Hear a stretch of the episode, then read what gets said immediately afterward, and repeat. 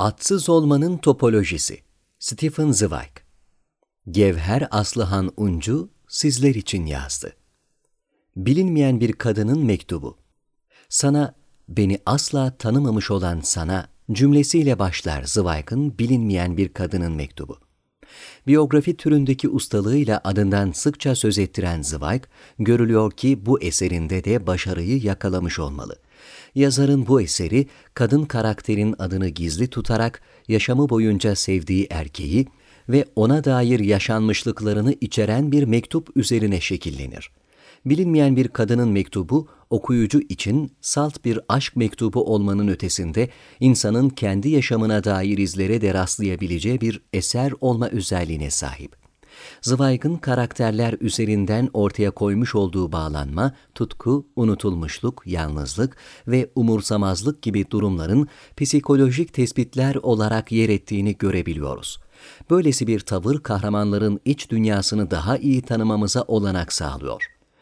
Psikolojik tespit ve betimlemelerin bu denli güçlü olmasının, Freud ve Adler gibi psikanalist kuramcılardan etkilenilmiş olmasının etkisi bir hayli fazla olsa gerek. Çoğu zaman hep bir şeyleri bekler, umut eder dururuz. Yaşamı anlamlı kılma adına beklediklerimiz, umut ettiklerimiz bize geleceğe dair olmasını istediklerimizin bir portresini çizer aslında. Zweig'ın kadın karakteri de sonsuz bir bekleyiş içerisindedir. Peki nedir bir kadını sonsuz bir bekleyiş içerisine sevk eden şey? Mektuptan bununla ilgili çıkarsadığımız şey umut ve yalnızlık olgusudur. Böylesi bir yalnızlık sonunda tutkulu bir aşk hikayesine dönüşmüştür. Ne var ki bu hikayede duygular tek taraflı bir şekilde seyreder. Bilinmeyen kadın ve Bay Rey'nin yolları çoğu kez kesişmesine rağmen Bay Rey hiçbir zaman tanımaz ve umursamaz. Buradaki umursamazlık, psikolojik bir karakter betimlemesi olarak yer etmiştir.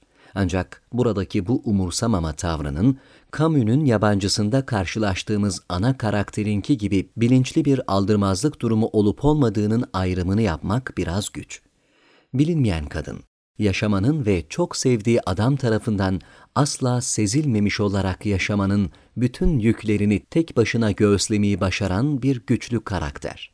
Yazar, karakterin güçlü yönüne olan vurguyu eksik etmeden bir insanda sezilmemiş olmanın yarattığı derin sancıyı işlemeyi de başarmış.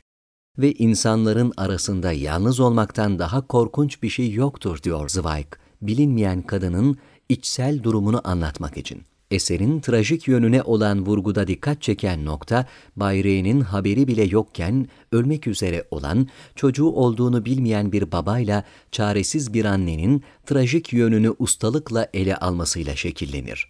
Mektubun sonlarına gelindiğinde Bayre bütün olanları çarpıcı yönleriyle öğrendiğinde ne yazık ki artık çok geç kalınmıştır. Bilinmeyen bir kadının mektubu kısa olmasına karşın sizi derinden sarsacak hüzünlü bir yaşam öyküsü. Sizi bir yolculuğun içerisinde bulduruyor adeta.